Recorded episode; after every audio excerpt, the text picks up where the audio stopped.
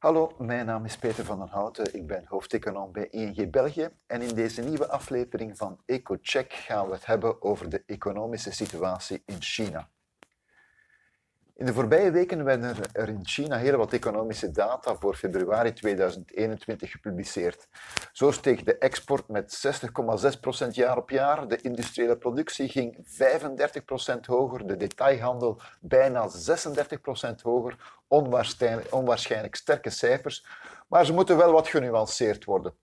Het gaat inderdaad om jaarlijkse stijgingen, dus de vergelijking tussen februari 2021 en februari 2020.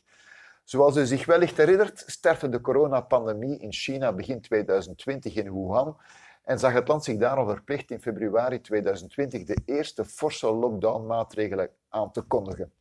De rest van de wereld keek verbaasd toe hoe de Chinese grootsteden er schijnbaar verlaten bijlagen. We weten intussen wat er nadien gebeurde. Een paar weken later gingen de meeste landen in de wereld over tot lockdown-maatregelen en een jaar later worstelen nog heel wat landen, België in kluis, nog steeds met de pandemie.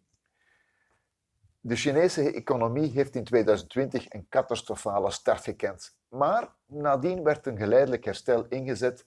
Dankzij een krachtdadige politiek kon China een tweede of derde golf van het coronavirus en dus nieuwe bredere lockdowns vermijden. Het belangrijkste is dat de Chinese economie kon steunen op zijn gebruikelijke sterke punten om zeer snel te herstellen na de eerste lockdown. Gezien China zowat de fabriek van de wereld is, draaide de exportindustrie al gauw weer op volle toeren. Er was onder andere de stijging van de wereldwijde vraag naar beschermingsmiddelen zoals mondmaskers en handschoenen, terwijl de elektronica-producenten garen spinnen bij de wereldwijde switch naar telewerk. Bovendien is het ook zo dat in westerse landen consumenten veel meer goederen hebben gekocht, omdat ze door de lockdown weinig aan diensten zoals horeca, toerisme of cultuur konden uitgeven. En waar komen al die goederen vandaan? Juist made in China. Terwijl de meeste landen in 2020 een historisch grote daling van het BBP zagen, was China uiteindelijk een van de weinigen die zijn BBP zag groeien met een stijging van 2,3% voor het jaar als geheel. China heeft dus het activiteitsniveau van voor de crisis al overschreden, terwijl dat bij ons vermoedelijk pas eind 2020 het geval zal zijn.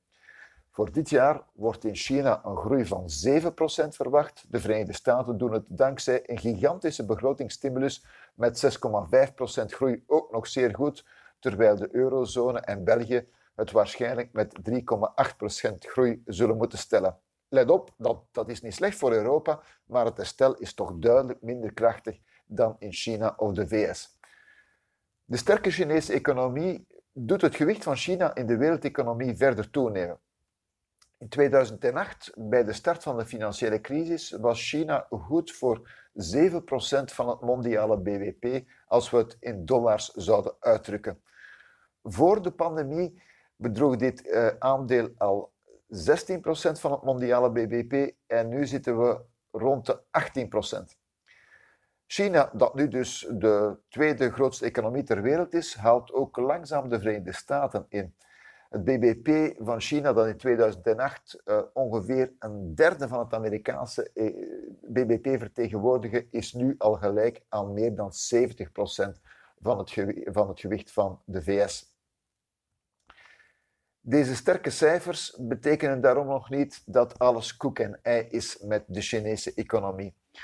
Zo steunt de groei nu al jaren op export, maar vooral ook op investeringen van de bedrijven die de schuldenberg van de ondernemingen fenomenaal hebben doen toenemen. De autoriteiten proberen nu al enkele jaren de Chinese economie te heroriënteren naar binnenlandse consumptie. Het is voor de Communistische Partij dus ook belangrijk dat de man in de straat, de spreekwoordelijke Chinese yang met de pet, ook wat van de economische vooruitgang voelt. Maar de pandemie heeft dit proces duidelijk vertraagd. Tijdens haar jaarlijkse congres in maart 2021 heeft de Chinese Communistische Partij erop gehamerd dat meer consumptie de prioriteit voor de regering blijft, hoewel nog moet worden afgewacht hoe zij dat in praktijk uh, zullen aanpakken.